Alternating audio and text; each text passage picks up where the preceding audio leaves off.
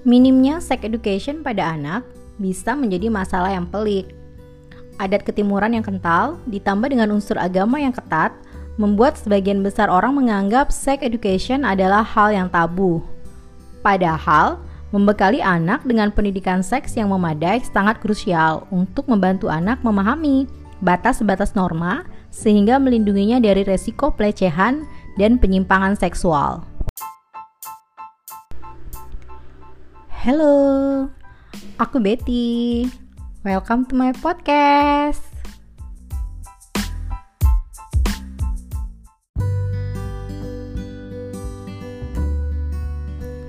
Salah satu yayasan yang cukup konsen dengan penanganan tindak kekerasan terhadap perempuan dan anak di Kota Bengkulu yaitu Yayasan Pusat Pendidikan untuk Perempuan dan Anak atau yang disingkat PUPA.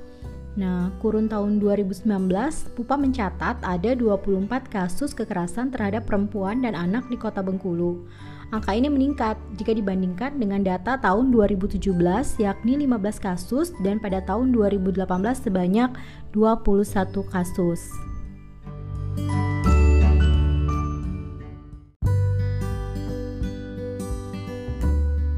Aku sudah bersama uh, Mbak Susi Handayani selaku Direktur PUPA.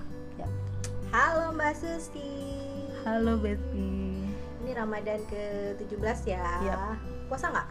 Puasa lah. Alhamdulillah. Suaranya tetap semangat ya Mbak walaupun puasa. Insya Allah. Hmm. Nah Mbak, kita ini bakal mengobrolkan soal sex education hmm. atau pendidikan seks. Hmm.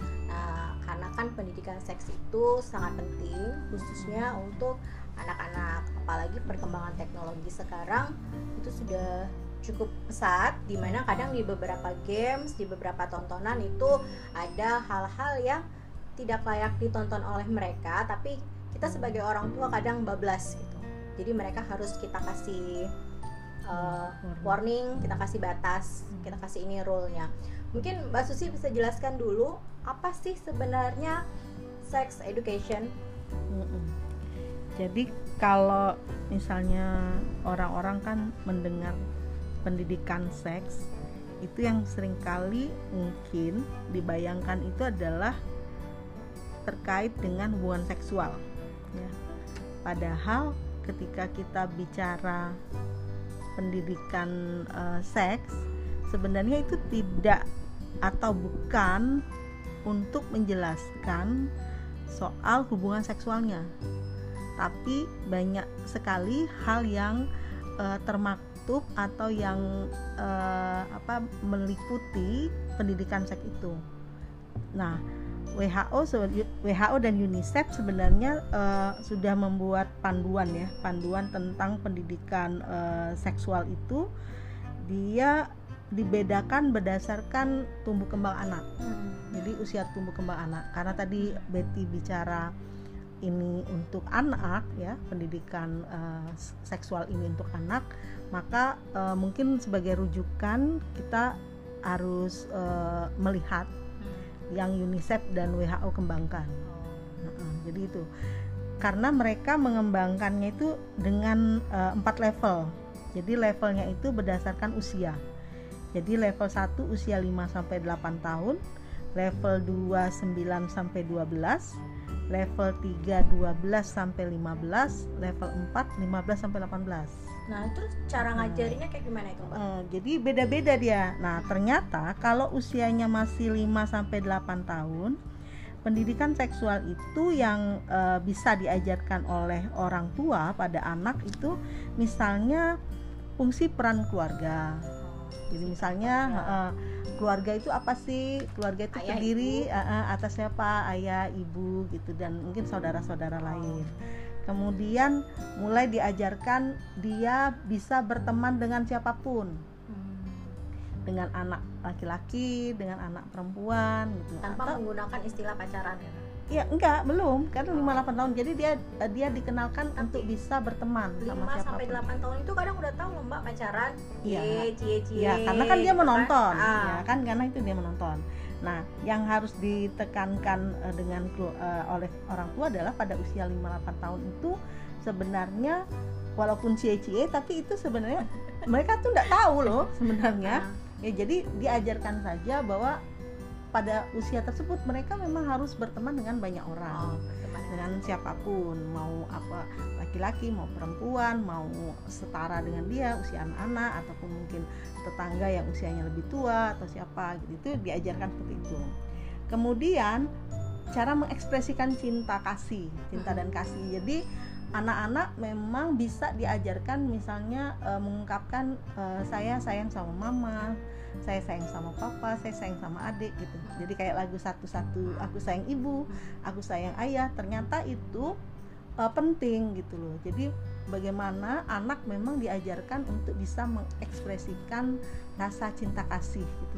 Jadi uh, beda nanti dengan yang kalau misalnya anak kok udah pacaran kemudian uh, pakai nafsu dan lain-lain itu beda ya. Jadi dari kecil memang anak memang harus di apa diajarkan cara mengekspresikan cinta cinta kasih supaya dia tidak nanti tumbuh menjadi orang yang eh, apa ya terlalu apa ya misalnya ada ada yang sangat sulit kan untuk Untuk mengungkapkan mengungkapkan, eh, mengekspresikan. mengekspresikan bahwa dia sebenarnya menyayangi saudaranya gitu nah itu karena dari kecil memang kita nggak mengajar. eh, eh, nggak mengajarkan nah ternyata menurut eh, WHO dan UNICEF penting mengajarkan anak itu mengekspresikan rasa cinta kasihnya kepada orang tuanya, kepada saudaranya, kepada keluarganya, kepada temannya. Kalau gitu. dalam bentuk ciuman, Mbak, biasanya kan bu- bukan ciuman sih dicium gitu. Biasanya kan anak-anak Hmm. kalau kita pergi keluar ada yang gemes, Mm-mm. dia pasti bakal cium anak kita. Nah, itu boleh nggak, Mbak? Mm-mm. Nah, kalau Diperbolehkan? uh-uh. kalau di sini dia cara mengekspresikan cinta level 1 itu lebih ke ini saja perkataan. Jadi eh, apa ya? eh, verbal. Jadi saya sayang gitu. Jadi eh, bukan pada sentuhan. Oh, Nah, sentuhan. jadi kalau sentuhan mungkin pada orang tuanya mungkin tidak masalah ya kalau orang tua gitu. Tapi mungkin di luar itu kan kita juga harus misalnya eh, terkait untuk pencegahan kekerasan seksual kan, misalnya semua orang boleh menyentuh anak kita itu kan juga mungkin eh, sudah bisa kita bisa apa ya diajarkan bahwa yang boleh menyentuh anak kita atau eh, apa ya ya yang menyentuh anak tersebut adalah orang keluarga inti ibu Berarti atau di usia itu kita mulai ajarkan, Dek, kalau nanti ada orang lain Hmm. atau teman mami yang datang mau cium gemes itu Hmm. jangan mau. Ya, adik Itu boleh menolak. kita ajarkan. Ah, ah, Oh, boleh oke. menolak gitu. Jadi orang boleh mengungkapkan ih cantik, boleh tapi tidak dengan ekspresi sentuhan dan lain-lain gitu.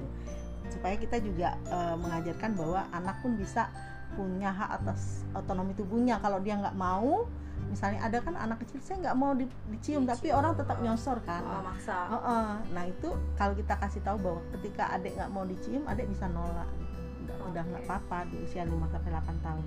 Kemudian eh, juga dikenalkan pada anak-anak usia ini juga harus dikenalkan dengan perbedaan ya, perbedaan-perbedaan. Artinya bahwa eh, semua orang tuh nggak sama gitu loh. Jadi misalnya tuh em, ada kan orang yang miskin kaya atau ada orang yang mungkin eh, ada cacat misalnya apa Fisik tulika ya. atau heeh, itu sudah bisa dikenalkan tapi dengan mengenalkan itu kita tadi kaitkan dengan ekspresi bahwa orang itu berbeda bukan untuk direndahkan untuk dicemooh gitu tapi misalnya untuk di, dikasihi gitu karena dia sesama manusia harus gitu berempati. Iya berempati. Jadi mulai diajarkan yang berempati 5 sampai 8 tahun.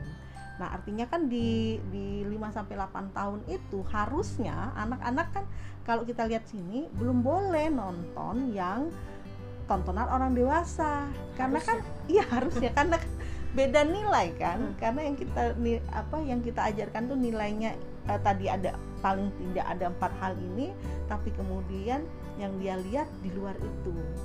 Nah akhirnya karena dia nggak tahu mungkin dia mencontoh. Tapi sebenarnya kalau kita tanya, misalnya cie pacaran, apa itu pacaran? Coba tanya Dia nggak nggak tahu. tapi dia tahu ketika dia bersama temannya yang lain, Iya. dia disorakin, heeh. Karena iya karena tidak diajarkan Hmm. bahwa pada usia itu kamu boleh berteman sama siapa pun.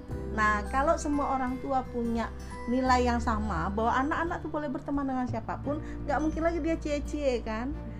Jadi anak itu boleh berteman dengan laki-laki, boleh dengan perempuan, dengan anak perempuan atau boleh dengan siapa pun.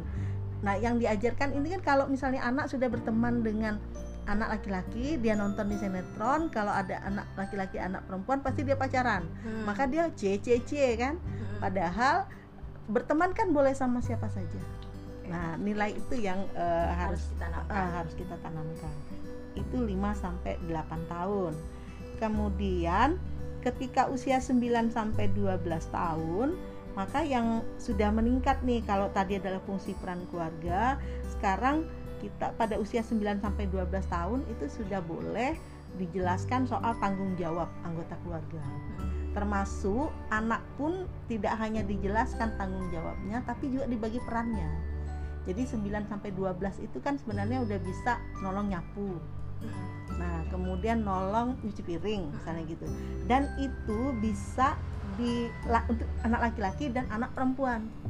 Jadi kita nggak membedakan juga misalnya anak laki-laki mulai main saja, anak perempuan misalnya nolong ibu atau nolong bapak gitu. Tapi sudah di dikenalkan tanggung jawab dia anak di dalam keluarga itu seperti apa gitu. Jadi misalnya bisa jadi kalau keluarga yang nggak melulu misalnya bapaknya mencari nafkah. Bisa ya ibunya bisa mencari ibunya nafkah. mencari nafkah nggak masalah. Atau dua-duanya cari nafkah Hmm. gitu. Itu nggak masalah gitu. Itu yang harus di, di, di apa disampaikan. Itu masih keluarga yang bertanggung jawab ya? Iya mas. Jadi ini masih semua dalam Masih segmen uh, uh, keluarga. uh, segmen keluarga. Kemudian eh, 9 sampai 12 itu sudah melibatkan anak dalam mengambil keputusan Nah, ini di sekolah juga bisa sebenarnya. Nah, sekolah kan 9 sampai 12 itu kan berarti usia kelas 3 sampai kelas 6 SD ya. Nah, ketika misalnya sekolah ingin membuat satu aturan, sebenarnya anak sudah harus bisa dilibatkan.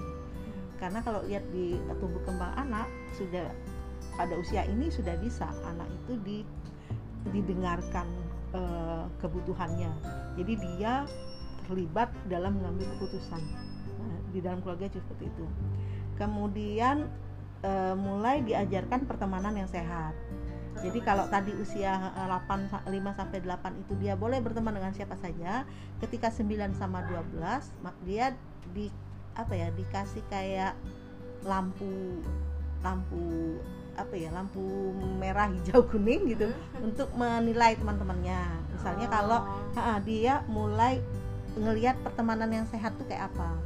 Jadi misalnya nih kalau bullying dan lain-lain kan berarti itu nggak sehat. Bagaimana dia menghindari. Nah usia ini sebenarnya sudah bisa dikenalkan. 9 sampai 12 9 sampai 12 pertemanan yang sehat. Kemudian anak juga sudah bisa diceritakan soal apa sih pernikahan itu, menjadi orang tua itu seperti apa. Nah, itu juga sudah bisa dikenalkan. Karena misalnya eh, pasti dia akan nanya sebenarnya pada usia-usia ini kan agak anak-anak itu kan kritis kan. Misalnya eh, apa namanya? oh, dia lahir dari mana? Kemudian misalnya dia lihat orang tuanya eh, ada yang tidak lengkap, kenapa tidak lengkap Hmm. gitu. Nah, itu juga sudah bisa diceritakan. tapi anakku SD udah sebelum masuk SD udah tahu mbak. Ya udah, udah bisa kayak gitu karena karena dia mengalami kan. Dia nah, mengalami. karena dia mengalami. Nah untuk yang mengalami kan juga orang tuanya kan juga bisa mengajarkan dari awal. Ketika misalnya yang fungsi peran keluarga. Ah, jadi fungsi peran keluarga itu juga bisa kan misalnya ketika dia lihat kok orang ayah saya nggak ada gitu ayahnya tidak ada. Ah, ah, nah eh, artinya peran ayah bisa digantikan oleh bunda Ibu, gitu loh ah. Nah, jadi apa sih peran ayah yang eh, sebenarnya peran ayah seperti apa nah sekarang karena ayah tidak ada maka peran itu bunda yang ambil gitu. Nah, artinya eh, di sini anak sudah bisa dikenalkan. Nah, pada usia 9-12 itu seperti ini loh, eh, mulai dijelaskan bahwa pernikahan itu sebenarnya kan adalah misalnya eh, hubungan laki-laki dan perempuan yang diikat gitu secara secara agama, hukum. secara hukum, negara. Kemudian bisa saja pernikahan itu berumur pendek atau berumur panjang. Itu tergantung eh, apa namanya proses menjalannya proses kesepakatan dan lain-lain. Nah, kemudian di sini juga misalnya menjadi orang tua, menjadi orang tua itu tanggung jawabnya seperti apa gitu. Itu juga bisa dijelaskan. gitu. Jadi eh, pada usia 9 sampai 12 tahun anak-anak sudah paham bahwa oh ya ya eh, orang eh, bisa saja menikah pada usia tertentu melakukan pernikahan tapi juga dia bisa berpisah. Kemudian tugas orang tua juga seperti apa gitu. Jadi mereka nggak misalnya ada kan anak kecil misalnya sering eh, saya ingat misalnya dulu eh, orang karena kita nggak pernah diomongin mungkin ya diajarin kayak gini ya misalnya kita lihat ada teman kita nggak punya ayah hmm. itu kan suka diomongin. Hmm. misalnya katakanlah misalnya si uh, Reno misalnya Reno hmm. no papa Reno no papa. Sering kali kita omong kayak gitu ya. kita nggak tahu kan uh, bahwa itu sebenarnya menyakitkan, gitu. Cuma karena ini kan nggak nggak pernah diajarkan mungkin. uh, uh, di rumah. Padahal kalau kita di, per, diajarkan ini bahwa orang ya bisa saja dalam pernikahan itu lengkap, tapi bisa juga tidak, sehingga tidak usah atau tidak tidak perlu me, mengungkapkan hal-hal yang menyakitkan gitu. Nah ini kalau nilai-nilai itu uh, dibangun, kita nggak akan ada lagi tuh anak kecil akan ngomongin seperti itu, gitu. karena dia paham ya udahlah orang berpisah nggak mesti diomongin. Gitu dan uh, menjadi orang tua kan tanggung jawabnya seperti apa? Lebih kepada uh, tanggung jawab. Supaya juga mereka mulai mikir nih sebenarnya oh ya ya ternyata tugas orang tua tuh berat lah gitu ya. Kemudian juga nggak berpikir untuk misalnya uh, apa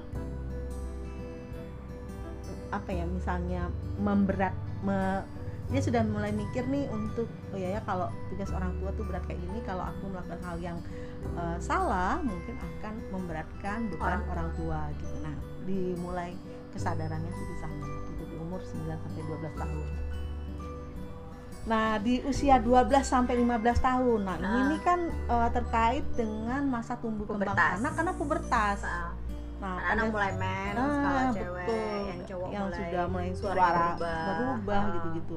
Nah, ini sering kali itu si anak sendiri tuh gamang loh. Ini pas masa gamang dia pun sendiri kadang tidak mengenali dirinya karena hmm. perubahannya begitu cepat ya kan hmm. anak-anak bukan dewasa enggak hmm. gitu kalau cari baju pun agak susah nih ya tanggung tanggung gitu kan tanggung. nah pada masa galau kayak gini memang peran orang tua itu menjadi sangat vital gitu.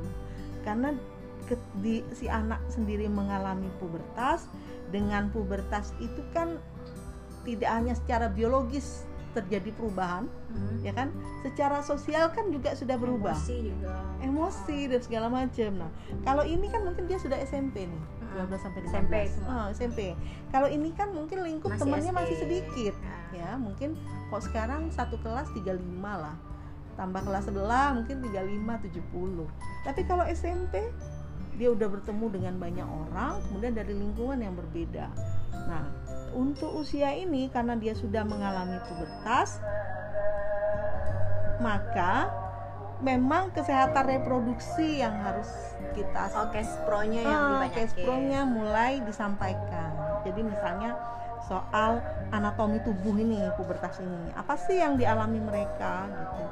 Uh, organ reproduksi perempuan organ reproduksi laki-laki ketika tumbuh kembang dia kayak apa gitu. Nah, jadi uh, di masa ini kalau orang tua misalnya uh, tidak punya waktu atau uh, tidak punya pengetahuan yang cukup terkait dengan kesehatan reproduksi, nah biasanya anak akan cari sendiri. Oh, ini yang bahaya, Mbak. Ya? Nah, iya, kan kita tahu sekarang ini dia tinggal buka Google dan lain-lain. Ketika kita buka Google Case Pro, itu tidak hanya langsung Case Pro yang muncul, tapi misalnya organ reproduksi misalnya penis yang sedang ereksi lah dan lain-lain gitu kemudian muncul obat-obatan untuk memperpanjang lah segala memperbesar nah ini yang kadang kan kacau kan? Nah pada saat inilah sebenarnya peran keluarga masyarakat termasuk sekolah. Bagaimana misalnya memang bis, e, memberikan e, pendidikan kesehatan reproduksi. Nah pendidikan kesehatan reproduksi ini terkait dengan yang organ reproduksi tadi tumbuh kembang uh, apa namanya secara biologis, secara sosiologis, secara mental uh, si anak juga harus disampaikan. Kemudian juga sudah bisa disampaikan soal gender. Gender misalnya uh, perbedaan laki-laki perempuan, kemudian perbedaan ini akan misalnya menimbulkan ketidakadilan ketidakadilan uh, antara laki-laki dan perempuan. Kemudian salah satu bentuk ketidakadilan misalnya adalah kekerasan terhadap perempuan. Nah, ini mungkin sudah bisa dikembangkan di usia 12 sampai 15. Kemudian juga bisa dikenalkan soal orientasi seksual. ya orientasi seksual itu jadi misalnya ada yang homoseksual ada yang hetero gitu. Nah, yang kebanyakan misalnya uh, secara normatif kan adalah hetero, tapi bukan mengabaikan bahwa ada juga yang homo gitu, yang secara orientasi memang lebih menyukai yang sejenis gitu. Nah, ada orang yang seperti itu gitu, tapi bukan berarti mereka dilecehkan atau direndahkan gitu loh. Jadi fungsi di 12 sampai 15 ini kita menyampaikan bahwa ada orang yang punya orientasi seksual yang sama sejenis gitu. Dan untuk orang-orang yang punya orientasi seksual yang sejenis, maka tugas kita adalah menghargai pada prinsipnya menghargai. Jadi kita tidak misalnya menghukum, menghu, uh, meng, ya menghujat dan lain-lain. Kemudian uh, eh, IMS juga bisa dikenalkan. IMS kan infeksi menular seksual ya karena misalnya uh, pubertas kemudian pubertas itu menimbulkan uh, perubahan secara fisik, seksual, kemudian uh, biologis uh, menyebabkan misalnya anak-anak sudah mulai tertarik pada lawan jenis. Soal cinta dan lain-lain itu sebenarnya ah, patah hati dan lain-lain. Kemudian sampai misalnya kekerasan, termasuk kekerasan seksual. Di antara kekerasan seksual itu misalnya pelecehan seksual dan perkosaan. Nah, ini yang bisa menimbulkan IMS. Kalau misalnya pelaku kekerasan seksual itu kita kan nggak tahu eh, apa namanya kesehatannya selama ini seperti apa, ya kan? Jadi misal apalagi kalau misal anak remaja ini pacaran dengan orang dewasa. Dan orang dewasa itu misalnya sudah aktif secara seksual. Kita kan nggak tahu jadinya apakah misalnya orang ini beresiko menularkan infeksi menular seksual pada anak.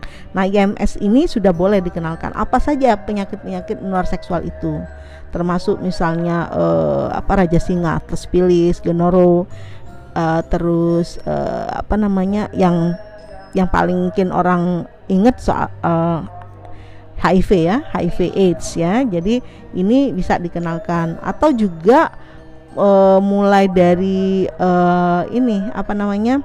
timbulnya bintil-bintil di sekitar kemaluan organ uh, alat kelamin baik laki-laki maupun perempuan itu sebenarnya tanda-tanda ada penyakit menular seksual gitu. Nah, kemudian kalau di usia 15 sampai 18 tahun case pro-nya masih tetap jalan, tapi eh, apa namanya di 518 ini juga sudah mulai dikenalkan soal eh, hukuman atau sanksi kalau terjadi misalnya kekerasan seksual dan lain-lain. Kemudian juga eh, konsep pernikahan ini dikenalkan apa sih sebenarnya pernikahan itu, kemudian uh, tujuan pernikahan apa, bagaimana orang bisa me membangun pernikahan tersebut gitu, supaya uh, ini juga bisa memberikan gambaran untuk anak-anak tidak mencoba menjadi atau melakukan pernikahan anak. Ya, jadi berharap bahwa mereka jangan hanya menganggap pernikahan itu hanya indah-indahnya saja gitu loh. Tapi ada hal dari konsekuensi dari perkawinan itu sendiri kan.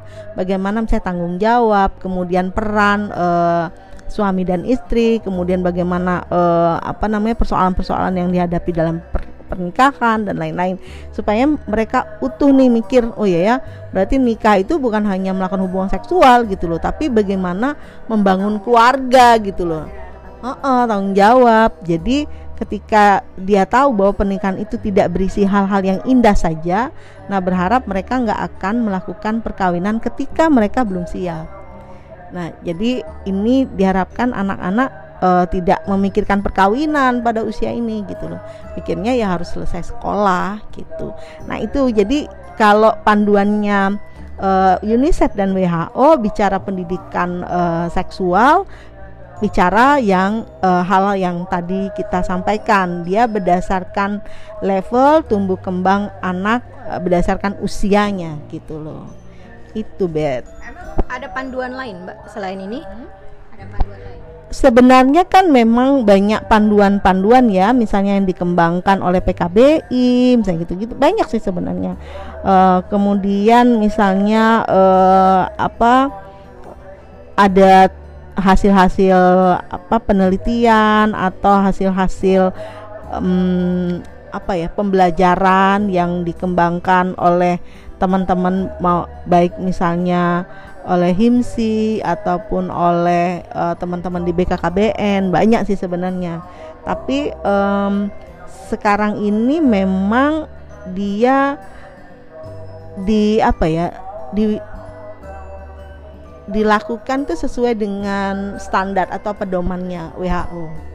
Jadi uh, mungkin yang ada sekarang ini pengembangan-pengembangan. Jadi pada pada levelnya tuh tetap pakai levelnya UNICEF dan WHO, tapi karena apa ya perkembangan pengetahuan, perkembangan juga situasi, kondisi anak juga dan masalah-masalah yang dihadapi itu membuat uh, misalnya organisasi lain mengembangkan atau menambahkan misalnya terkait dengan materinya. Misalnya nih untuk um, misalnya uh, ada case pro untuk uh, remaja pedesaan. Ya kan karena mungkin yang dihadapi anak-anak uh, di pedesaan mungkin berbeda dengan anak di perkotaan. Jadi isi atau substansinya saja yang mungkin berubah atau bertambah. Tapi sebenarnya uh, cakupan materinya sesuai standar tadi. Apa sih yang disampaikan gitu loh. Dan misalnya kesehatan reproduksi yang dikembangkan di sekolah-sekolah. Kesehatan reproduksi yang dikembangkan di sekolah-sekolah kan biasanya memang lebih ke anatomi tubuh ya jadi bagaimana mereka mm, mengenal perubahan-perubahan pada tubuh. Tapi misalnya yang uh, lain terkait dengan relasi sosial apalagi uh, interaksi seksual atau orientasi seksual mungkin itu agak berbeda gitu ya. Ada juga misalnya ya ada kan juga orang yang agak nggak open minded ya. Jadi misalnya terkait dengan LGBT nggak mau disampaikan gitu loh karena misalnya ah nanti kalau disampaikan uh, itu malah tertular gitu-gitu. Padahal um, anak dihadapkan pada fenomena itu gitu loh. Ya kan? Nah mbak kalau mm -hmm. untuk di Bengkulu sendiri mm -hmm. uh, dari empat level ini uh, banyak kasus kekerasan seksual itu terjadi di level berapa? Kalau di Bengkulu itu memang yang paling banyak ya. Paling banyak itu itu di 9 sampai 12.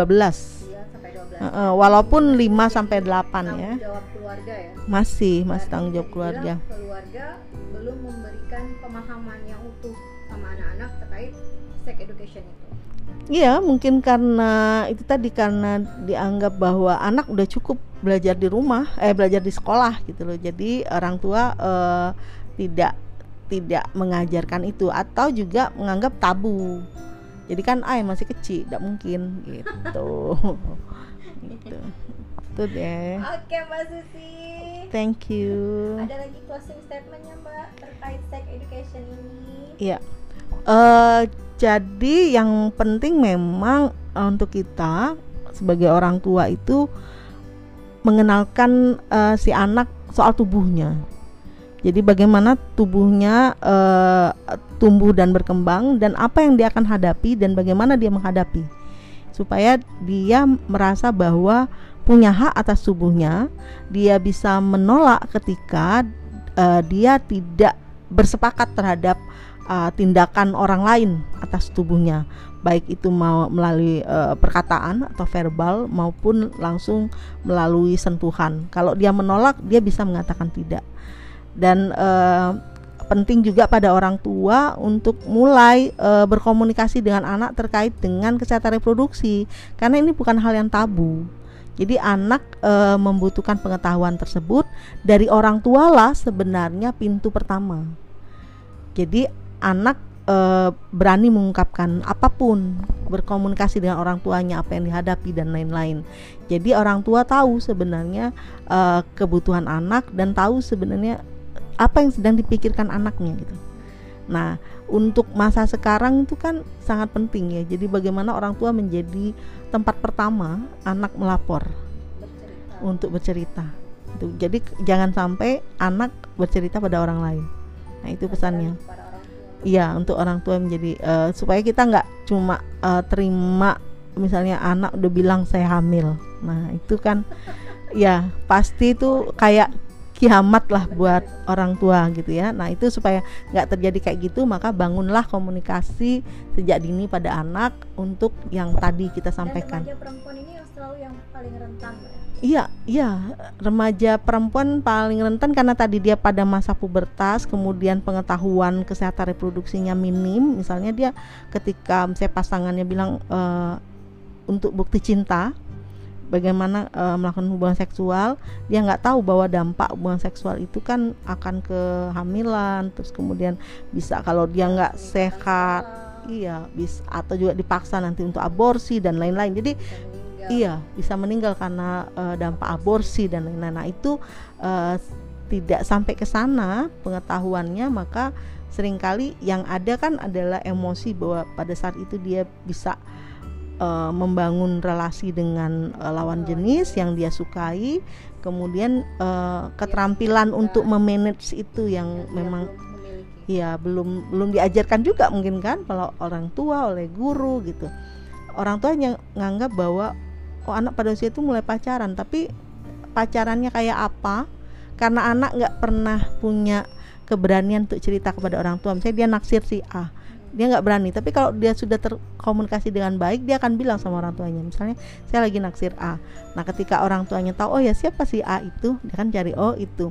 Orang tuanya kan juga bisa berkomunikasi dengan si A. Oh ya nanti kalau mau main atau apa di rumah aja belajar bersama gitu. Terus orang tua kan bisa ngawasin ya kan? Jadi kalau komunikasinya baik antara anak dan orang tua sebenarnya yang tadi soal cinta tadi kan sebenarnya memang sudah pada tahapan usia 9 sampai 12 itu kan sudah kenal ya dan 15 sampai 18 juga kita mulai uh, pahami soal cinta apa itu cinta itu kan nah Uh, kalau ekspresi cinta kan di usia 5 5 sampai 8 gitu kan. Uh, 8 itu ekspresi cintanya. Kemudian di cinta itu kan sudah mulai mengalami 12 15. Nah, pada saat itu apa kontak antara orang tua itu baik, komunikasi dengan orang tua baik, maka sebenarnya kita bisa mengawali ini loh. Jadi anak bisa tumbuh, kembang, dia memang secara alamiah mulai terjadi perubahan, dia tertarik pada lawan jenis, kemudian dia membangun relasi tapi sehat gitu. Karena orang tuanya terlibat gitu kan. Oh ya, dia tahu nih, oh dia membangun hubungan dengan si A seperti apa, pergi ke mana, melakukan apa, itu kan nggak masalah sebenarnya gitu loh. Jadi dia nanti tumbuh dewasa itu benar-benar menghargai uh, proses pertemanan gitu loh. Ataupun nanti mulai mengenal walaupun dia sakit hati patah hati itu kan sebenarnya kalau dia komunikasinya dengan baik dengan orang tua misalnya terjadi clash putus cinta biasa. biasa sebenarnya gitu. Dia kan ketemu lagi dengan orang lain dan bisa berproses lagi seperti itu gitu loh jadi tidak langsung saya putus cinta bunuh diri. Ya kan? Karena yang bunuh diri kan memang itu tadi loh dalam keluarga itu mungkin tidak terkomunikasi ya, uh, jadi seolah-olah ketika putus kiamat gitu. Kalau itu udah dia nggak bisa meng, meng, apa menempuh hidupnya lagi akhirnya mengambil keputusan untuk bunuh diri. Nah ini menjadi penting, maksudnya komunikasi keluarga itu menjadi penting terkait dengan temanya yang tadi Betty angkat pendidikan e, seksual itu tidak hanya bicara soal hubungan seksual tapi dia lingkup yang lebih luas. Nah, untuk orang tua memang harus memperbanyak pengetahuannya dan bisa menyampaikan itu dengan baik dengan e, anak-anaknya. Nah, statement closingnya lebih panjang dari itu. Oke, terima kasih ngobrolnya asik mbak. Oke Mbak Susi. Terima kasih untuk obrolan hari ini. Dan kita akan bertemu di podcast selanjutnya